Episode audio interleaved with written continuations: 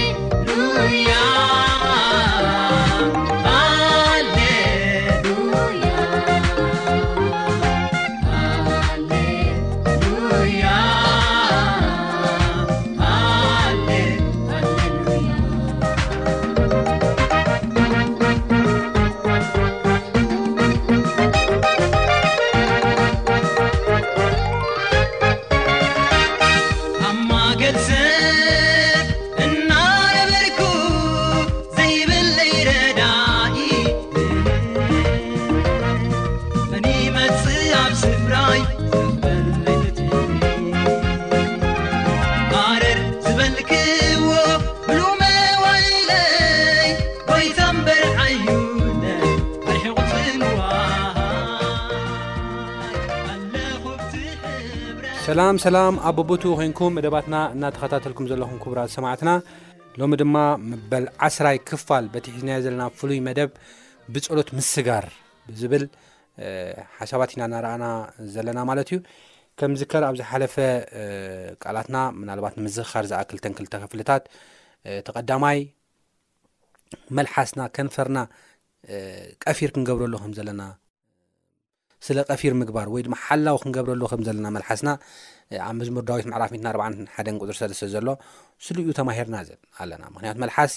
ኣብ ዝመፅእ ዓመት ቀፊር ተገይርሉ ብምስትውዓል እናተዛረብና ክንነብር እ፣ ከም ዘለና ዘርኢ ህይወት ኢና ም፣ ኣምሂርና ካብዚ ተወሳኺ ድማ ቀፂልና ብዛዕባ እ፣ መንፈሳዊ በረኸት ሰማያዊ በረኸት ምድራዊ በረኸት ጥራሕ ዘይኮነ ሰማያዊ በረኸት ብናይ እግዚኣብሄር መንገዲ ክንረክብ ናብኡ ብፀሎት ክንቀርበሉ ከም ዘለና ኢና ንርኢ ምክንያቱ ምድራዊ በረኸት ጥራሕ ንያቆብ ኣብ ሽግርን ኣብ መከራን ከም ዝኸተቶ ንዓና እውን ኣብ ከምዚ ዓይነት ፈተናታት ከውደቓና ስለ ዝኽእል ሕጂ ኣዒንትና ካብ ምድራዊ በረኸት ጥራሕ ኣልዒልና ናብ ሰማያ በረኸት እውን ጌርና እንዲያም መጀመርያ ፅድቁን መንግስቱን ድለይ ዳሓር ኩሉ ክውሰኸልኩም እዩ ዝብለና መፅሓፍ ቅዱስ እሞ መጀመርያ መንግስቱን ፅድቁን ብምድላይ ናብኡ ክንቀርብ እግዚኣብሄር ፀጉ የብዛሓና እናበልኩ ናብዚ ናይ ሎሚ ናይ ቃል ግዜና ድማ ብቅድሚ ምእታውናን ፀሎት ክንገብር ይደሊ ፀሎት ንግበር እግዚኣብሄር ኣምላኽና ስለዚ ግዜን ሰዓትን ንመስግነካ ኣለና ሕጂ ድማ ቃልካ ከፊትና ኣለና እሞ ቃልካ ክተምህረና ንልምን ብጎይታና መድሓና ንስ ክርስቶስ ስም ኣሜን ሎሚ ድማ ንሪኦ ኣብ ቀዳማይ ዜና መዋዕል ምዕራፍ ኣርባዕተ ካብ ፍቕዲ ትሽዓተ ዘሎ ሓሳብ ኢና ንርኢ ማለት እዩ እዚ ቀዳማይ ዜና መዋዕል ምዕራፍ ኣርባዕተ ፍቕዲ ትሽዓተ ዘርኢ ሓሳብ ብዛዕባ ያቤፅ እዩ ያቤፅ ኣብ መፅሓፍ ቅዱስ ውሕድ ጥቕስታት እዩ ተፃሒፉ ዘሎ ብዛዕባ ያቤፅ ግን ዓበይቲ መፅሓፍታት ተፃሒፎም ከዓ ትርእዩ ማለት እዩ ያቤፅ እታ ዝተጻሕፈትሉ ፓርት ክልተ ጥቕሲ ሰለስተ ጥቕሲ ኣርባዕተ ጥቕሲ ዝኾና ጥቕስታት ብዛዕባ ያቤጽ ዝተጻሕፋ ውሑዳትን ኣዘየን ድማ ኣገደስትን እየን ይገርም እዩ ብጣዕሚ ዓበይቲ መፅሓፍ ቮሊማት መፅሓፋት ብዛዕባ ያቤጽ ተጻሒፎም እዮም ብዝተፈላለዩ ቋንቋታት እሞ ናይ ያቤጽ ህይወት ሎሚ እውን እዘን ኣርባዕተ ጥቕስታት ዲተይል ንዓና ኣብዚ ሓድሽ ዓመት ኣብ ንሳገረሉ እዋን ስንቂ ሒዝና ንኽንሳገር ዘኽእለና ሓሳባት ኣለዎ እሞ ናብኡ ኢና ክንኣቲ ማለት እዩ ያቤፅ ግን መን እዩ ነይሩ ቅድሚ ኩሉ መን እዩ ያቤፅ ያቤፅ ካብ ዝገርም ነገር ኣብ እቲ ወለዶ ኣብ ቀዳማይ ዜና መዋል ምዕራፍ ክልተ ሰለስተ ኣርባዕተ ክልተን ሰለስተን ተፃሒፉ ዘሎ ወለዶታት ናይ እስራኤል ኩሉ ከምዚ እዚ ወለደ እዚ እዚ ወለደ እዚ እዚ ወለደ ናበለ ክጽሕፍ ከሎ ብ ንኣብነት ዮሳባል ልጅ ራእያ ኤኢቲን ወለደ ኤኢቲም ሑማይን ሎሃድን ወለደ እነዚ የጾርኣያን ወገኖች ናቸው እነዚ የኤጣም ኣባት ልጆች ናቸው ናበለ እዚ ኩሉ ወሎዳታት እናጸሓፈ ደሓር ኣበይ ቤጽ ደው ክብል ከሎ ኢና ንርኢ ነቲ ጸሓፍውን ናይ ያቤጽ ህይወት ኢምፕረስ ከም ዝገበሮ ናይ ያቤጽ ህይወት ኦኦኦ ሲኢለ እዚ ያቤጽ ዝወለደ ኣቡኡ ድማ ዝነበረ ያቤጽ ድማ ክንድዚ ቆልዑት ወለደ ኢለስ ምጽሓፍሲ ጥራሕሲ ኣገዳሲ ኣይኮን ናይ ያቤጽ ህይወት ይፍለ እዩ ብምባል ኣብዚ ናይ ወለዶታት መጽሓፍ ናይ ያቤጽ ህይወት ደው ኢሉ ሰለስተ ጥቕስታት ንእሽተይ መብራህርሂ ብዛዕባ ያቤጽ ሂቡ እዩ ሓሊፉ እሞ እቲ ጸሓፊ ናይ መጽሓፍ ቅዱስ ንባዕሉ ዓብዪ ኢምፕሬሽን ከም ዝፈጠረሉ ናይ ያቤጽ ህይወት ኢና ንርኢ ያቤጽ ካብ ዝገርመኩም ኣዲኡ ያቤጽ ኢላ ዝሰየመቶ እቲ ሕርሳ ጸኒዕዋ ስለ ዝነበረ ከቢድዋ ስለ ዝነበረ ያቤፅ ኢላ ከም ዝሰየመቶ ኢና ንርኢ ማለት እዩ ምናልባት እሱ እዩ ኢለ ዝጥርጥር ኣነ ያቤፅ ማለት ድማ ትርጉማ እቲ ሕማም ማለት እዩ ናይቲ ጥንሳ ናይቲ ሽግራ ምናልባት ምስ ተወልደ እውን ብዙሕ ሽግር ኣጋጢሞ ክኸውን ይኽእል ያቢጽ ኢላ ከም ዝሰየመቶ ግን ይዛረበና እዩ እንዲያም ተዘንብበልኩም ኣነ ደስ ይብለኒ ካብ ቁፅሪ ሸዓተ ያቤጽ ድማ ካብ ኣሕዋት ዝኸብር ነበር ኣዲኡ ከዓ ብፃዕሪ ወሊደ ኢላ እሞ ብስሙ ያቤጽ ኣውፃት ስለዚ ያቤጽ ማለት ፃዕሪ ሕማም ቃንዛ ማለት እዩ እቲ ዋና ሓሳቡ ማለት እዩ ስለዚ ቃንዛ ዝኾነ ሰብ ታሪክ ተቐይሩ መፅሓፍ ቅዱስ ክዛረበና ከሎ ዝኸበረ ሰብ ከም ዝነበረ እዩ መፅሓፍ ቅዱስ ዛረብና ኣዝዩ ዓብዪ ሰብ ከም ዝነበረ ኢና ንርኢ ሰባት ክፅዕዎ ከሉ ኣታ ቃንዛ ንዓባ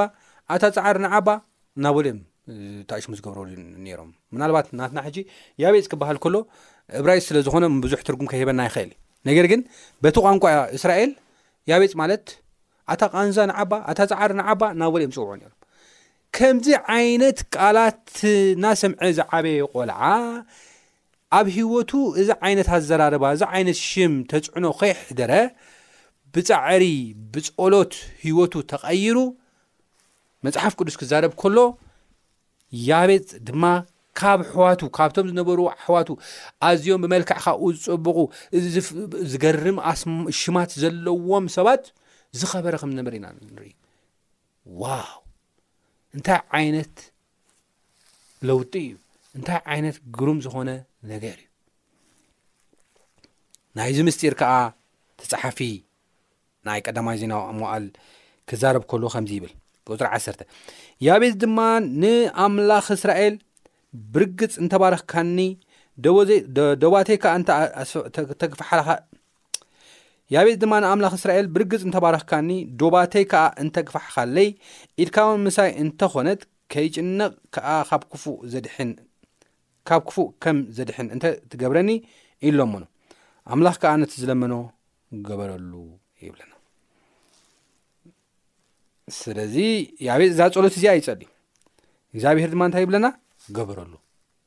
ገበረሉ ምንም ተኣሽሙ ክገብር ኣይከኣልን እግዚኣብሄር ገበረሉ ይብለና ብጣዕሚ ዝገርም ነገር እሞ ካብዚ ሓሳብ ደኣ እንታይ ኢና ንምሃር ዝብል ሓሳብ ሰለስተ ሓሳባት ክንርኢ ንደሊ ብፍላይ ካብቲ ጸሎቱ። ኢድካ ምሳይ እንተ ትኸውን፣ ከይጭነቕ ድማ ካብ ክፉእ ከም ዘድሕን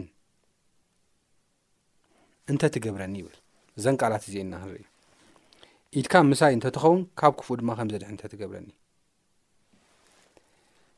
እዘን ቃላት እዚኤን ያቤጽ ዘለመነን እሞ ከዓ እግዚኣብሄር ዝገበረሉ ጸሎት ሎሚ ሒዝናይ ክንከይ ዝግብኣና ኣብ 215 ብናይ ኢትዮጵያ ኣቋፅራ ሒዝናይ ክንከይ ዝግብኣና ሓሳባት እየን ሓሳባት እየን እዚ ፀሎት እዚ ከዓ ሒዝና ክንከይድ ከልና እግዚኣብሔር ኣምላኽና ሓላዊ እሙን ንፀለዩ ዝገብረሎም ጎይታ ምዃኑ ብምእማን ክኸውን ክኽእል ኣለዎ ኣብ መዝሙር ዳዊት ምዕራፍ 9 ሓደን ዘሎ መጀመርያ ሓሳብ ከንብብ ምድሕር ናብ ያቤፅ ክምለስ መዝሙር ዳዊት ምዕራፍ ቴስዓን ኣርባዕተን ስለ ብዙሕ ነገር እዩ ዝዛረብ ነገር ግን ተወሰነ ጥቕሲ ጥራሕ ከንብብ ይደሊ ኣለዉ ሕጂ ምስቲ ሒዘ ዘለኹ ርእስቲ ኣብ ፀግዒቲ ልዑል ዝሓድር ኣብ ፅላልቲ ኩሉ ዝኽእል ይነብር ምስ በለ ንእግዚኣብሄር ፀግዐይን ዕርደይን ዝውከሉ ኣምላኸይን ይብሎ ኣለኹ ካብ መፃደሓናዳይ ካብ ዘጥፍእ ፌራ ከናግፈካ እዩሞ ብግሊ ግሊ እዩ ከጎልብበካ ኣብ ትሕቲ ኣኽናፉ ኸኣ መጸግዒ ክትረክብ ኢኻ፣ ሓቁን ዋልታን ከኣ ጸግዒ እዩ ይብለና። ብግሊ ግሊኡ ኸጎልብበካ፣ ኣብ ትሕቲ ኣኽናፉ ኸኣ መጸግዒ ክትረክብ ኢኻ፣ ሓቁን ዋልታን ከኣ ጸግዒ እዩ። ካብ ስንባድ ለይቲ፣ ካብ መዓልቲ ዝውርወር ፍላጻ፣ ካብቲ ብጸልማት ዝኸይድ ፌራ፣ ብቐትሪ ዘባድም ሕማም ኣይክትፈርህን ኢኻ ይብሉ። ኣብ ጥቓኻ ሽሕ፣ ኣብ የማንካውን እልፉ ክወድቁ እዮም፣ ኣባኻ ግና ኣይክበጽሕን እዩ። በዒንትኻ ጥራሕ ክትጥምቶ ርስያን ዝረኸቡ መስጣ ክትርኢ ኢኻ ይብል ስለዚ ብዚ ሓሳብ እዚ ከድናብ ንሪእየሉ ዋን እግዚኣብሄር እውን እሙን ኣምላኽ ከምዚ ኢሎም ንፀለዩ ከምዚ ኢሎም ንዝለመንዎ ዝገብር ኣምላኽ ምዃኑ ካብ ያቤፅ ሂወት እውን ርኢና ኢና እግዚኣብሄር ዋልታይን ዕርደይን ፀግዐይኒ ኢለየ እየ ኢልና ከምዚ ኢልና ኣብ ንጽልየሉ እዋን እግዚኣብሄር ድማ ባዕሉ ዋልታናን ጸግዕናን ዕርድናን ከም ዝኸውን ይዛረበና እዩ ማለት እዩ ስለዚ ካብዚ ጥቕሲ እዚ ንርእዮ ነገር ብፍላይ ካብ መዝሙር ዳዊት እንሪኦ ሓሳብ እንታይ እዩ እንተደኣ ኢልና ተቐዳማይ ኣብ ግልግሊ እዩ ይብለና ኣብ ግልግሊ እዩ ክጉልብበካ ይብለና ግልግሊ ናይ ኣዕዋፍ ክንፊ እዩ ንደቆም ዝሓብኡሉ ዝከላኸልሉ ካብ ዝመፅእ ፀላኢ ኮነ ካብ ዝተፈላለዩ ነገር ዝኽውልሉ እዩ ግልግሊ ናይ ኣዕዋፍ ንኣዕዋፍ ዝንከባኸብ ሙቐት ዝህብ ሰኪርድ ፕሌስ እዩ ወይ ድማ ውሕዝ ዝኾነ ቦታ እዩ ማለት እዩ ስለዚ እዚ ዘርእየና እግዚኣብሔር ኣምላኽ ናይ ርሑቕ ኣምላኽ ዘይኮነ ሲ ነገር ግን ናይ ቀረባ ኣምላኽ ቀሪቡ ልክዕኸም ዑፍ ዝሓቑፈና ዘማሙቖና ካብ ዝተፈላለዩ ሓደጋታት እውን ዝክልለና ኣምላኽ ምዃኑ ዝነግረና ማለት እዩ። ኣብዚ ሓሳብ እዚ እግዚኣብሄር ናይ ርሑቕ ኣምላኽ ኣይኮነን። ሎሚ ክትሪኦ ከለኻ ሰማይ ክትሪኦ ከለኻ ርሑቕ መሲሉ ክረኣየካ ይኽእል። ነገር ግን እግዚኣብሄር ቀረባ እዩ። ቀረባ ካብ ምዃኑ ዝተላዕለ ኸኣ ንዝጸለዩ ከም ያቤጽ ድማ ናብ እግዚኣብሄር ዝቐረቡ ሰባት ብምሉኦም ኢንፋክት ከይጸለና ውን እግዚኣብሄር ይገብረልናን ይሕልወናን ኣሎ እዩ ነገር ግን ንዝጸለዩ እንታይ ይገብሮም እዩ ኣብ ግሊ ግሊኡ ይሓብኦም እዩ ኣብ ኣክናፉ ይሓብኦም እዩ ኣብ ኣክናፉ ይስውሮምን ይንከባኸቦምን እዩ ማለት እዩ እሞ እቲ ናይ መጀመርያ ሓሳብ እንሪኦ ሓሳብ እዚ እዩ እዚ ከዓ ክንሪኦ እንኽእል ብናይ እምነት ኣዒንትና እዩ ብናይ እምነት ኣዒንትና ከምዝኾነ እዩ ዝዛረበና ማለት እዩ ካልኣይ ኣብዚ ጥቕሲ እዚ ውርድ ኢልና ከኣ ክንሪኦ ከለና ኣብ ትሕቲ ኣኽናፉ መጸግዒ ክትረክብ ኢኻ ሓቁ ዋልታን ጸግዕን ክኾነካ እዩ ይብለና። እቲ ኩሉ ዝፈልጥ ኣምላኽ ዋልታኻን ጸግዕኻን ክኸውን ከሎ ኣብ ኣኽናፉ ክትጉልበብ ከለኻ ብግሊጊሉ እዩ ክሓብኣካ ከሎ እዚ ማለት ካብ ናይ እግዚኣብሄር ራዳር ወፃኢ ማንም ተሓቢእ ዝነብር የለን ኩሉ ኣብ ቅድሚ ኣምላኽ ግልፂ እዩ ምናልባት ናይ ዓለም ራዳር ዝተወሰነ ቦታ ከርእናን ይኽእል ይኸውን ናይ እግዚኣብሄር ግን ኩሉ ኩሉ ኩሉ እዩ ዝርእና ኩሉ እዩ ዝፈልጥ ካብኡ ወፃኢ ዝተፈልጠ ዝሕባእ የለን ምንም ስለዚ ናባና ዝውርወር ፍላፃታት ንዓና ንክጥፋኣና ዝመፅእ ፍላፃታት ኩሉ ናይ ሰይጣን ናይ ዲያብሎስ መጀመርያ ንዑ እዩ ዝወግኦ ማለት እዩ ተዳወጊዎ ምክንያቱ ንዓና እግዚኣብሄር እንታይ ጌርና ኣሎ ብግሊ ግሊ እዩ በክናፉ ሓቢእና ኣሎ ስለዚ መጀመርያ ሰይጣን ክውርውር ከሎ መጀመርያ ንዑ እዩ ዝወግኦ ንጎይታ ኢየሱስ ንእግዚኣብሄር ኣምላኽና እዩ ንጎይታ ወጊኡ እዩ ንዓና እንተ ደኣ ወጊኡ ማለት እዩ ናባና ዝመጽእ ማለት እዩ እሞ እግዚኣብሄር ኣምላኽና ድማ ርእዩ መዚኑ ፍቓድ ሂቡ ተደይ ኮይኑ ናባና ሓደ ሓደ ግዜ ኣገዳሲ ተኾይኑ ናባና የቕርቦ ተደይ ኮነ ግን ይሕልወና ማለት እዩ ስለዚ እሱታ እሙን ኣምላኽ እዩ እሙን ኣምላኽ ስለ ዝኾነ እቲ እሙንነት ኣምላኽ ንዓና እንታይ ክኾነና ይግባእ ኩሉ ግዜ ጋሻናን ዋልታናን ዕርድናን ክኾነና ይግባእ እዩ ብእግዚኣብሄር ተኣማንነት ንሕና እውን ክንተኣማመን ይግባኣና እዩ ምክንያቱ እግዚኣብሄር ከይፈቐዶ ናባና ዝሓልፍ ኮነ ንዓና ዝጎድእ ምንም ነገር የለን ማለት እዩ ሳልሳይ ናይ መወዳእታን ድማ ክሪኦ ዝደለ ሓሳብ እዚ ግልግል እዩ ወይ ድማ እዚ ኣክናፍ እግዚኣብሄር ክንብል ከለና ኣብቲ ኩሉ ዝኽእል ኣምላኽ ኢና ተሓቢና ዘለና እግዚኣብሄር ብናይ ዘለኣለማዊ ሓይሉ ብግልግል እዩ ዝሽፍነና ካብ ኮነ ዘደግ ምዕራፍ 33 ፍቅዲ 27 ከምዚ ብምባል ይዛረብ ኩሉ ከኣልነቱ ብምጥቃስ ማለት እዩ እቲ ኣምላኽ ጥንቲ እቲ ኣምላኽ ጥንቲ መንበሪኻ እዩ፣ እቲ ዘለኣለማዊ ቐላጽሙ ኣብ ታሕቲ ኣለዋ። ንጸላኢ ኣብ ቅድሜኻ ሰጎጎ፣ ኣጥፍኦ፣ ድማ በለ ይብለና። እቲ ኣምላኽ ጥንቲ መንበሪኻ እዩ፣ እተን ዘለኣለማዊ ቐላጽሙ ድማ ኣብ ታሕቲ ኣለዋ ይብለና። እተን ዘለኣለማዊ ቐላጽሙ ድማ ኣብ ታሕቲ ኣለዋ። ናይ እግዚኣብሔር ሓይሊ፣ ናይ እግዚኣብሔር ቐላጽም ሓያልን ኩሉ ዝኽእልን እዩ። ኩሉ ዝኽእልን እዩ። እግዚኣብሔር ይመስገን። ንዘለኣለማዊ ቀላጽም ድማ ኣብ ታሕቲ ኮይኑ ንዓና ክኸልለና ከሎ፣ ክሽፍነና ከሎ፣ ኣብ ቅድሜና ዘሎ ማን ዝኾነ ይኹን ፍርሓት፣ ዝኾነ ይኹን ስግኣት፣ ዝኾነ ይኹን ፈተና፣ ከቢድ ዝኾነ ሸኽምታት ኩሉ በቲ ናይ ዘላለማዊ ሓይሊ ክንሓልፎን ክንሰግሮን የኽእለና እዩ ማለት እዩ። ነዚ እዩ መጽሓፍ ቅዱስ ያቤጽ ቅድም ኢለ ክመለሶ ዝበልኩ ክጽሊ ከሎ ኣብ ቀዳማይ ዜና መዋእል ምዕራፍ 4 ፍቅዲ ትሽዓተ ማለት እዩ ከምዚ ኢሉ ዝጸለየ። ያቤጽ ድማ ንኣምላኽ እስራኤል ብርግጽ እንተ ትባርኸኒ፣ ዶባተይ ከኣ እንተ ተግፍሓለይ፣ ኢድካ እውን ምሳይ እንተ ትኸውን ኢሉ ዝጸለየ ንዑ እዩ። ኢድካ እውን ምሳይ እንተ ትኸውን፣ እዛ ዘለኣለማዊ ቀላጽም ከውን ምሳይ እንተ ዝኸውን ኢሉ ዝጸለየ። ምክንያቱ ዘለኣለማዊ ቀላጽም ኣምላኽ ንዓና ካብ ዝተፈላለየ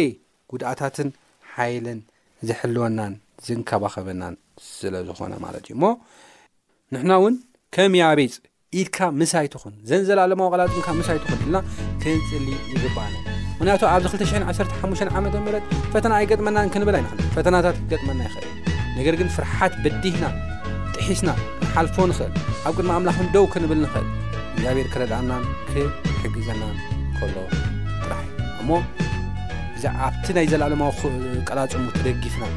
ኣብቲ ግልግልኡ ተሓቢና ክንነብር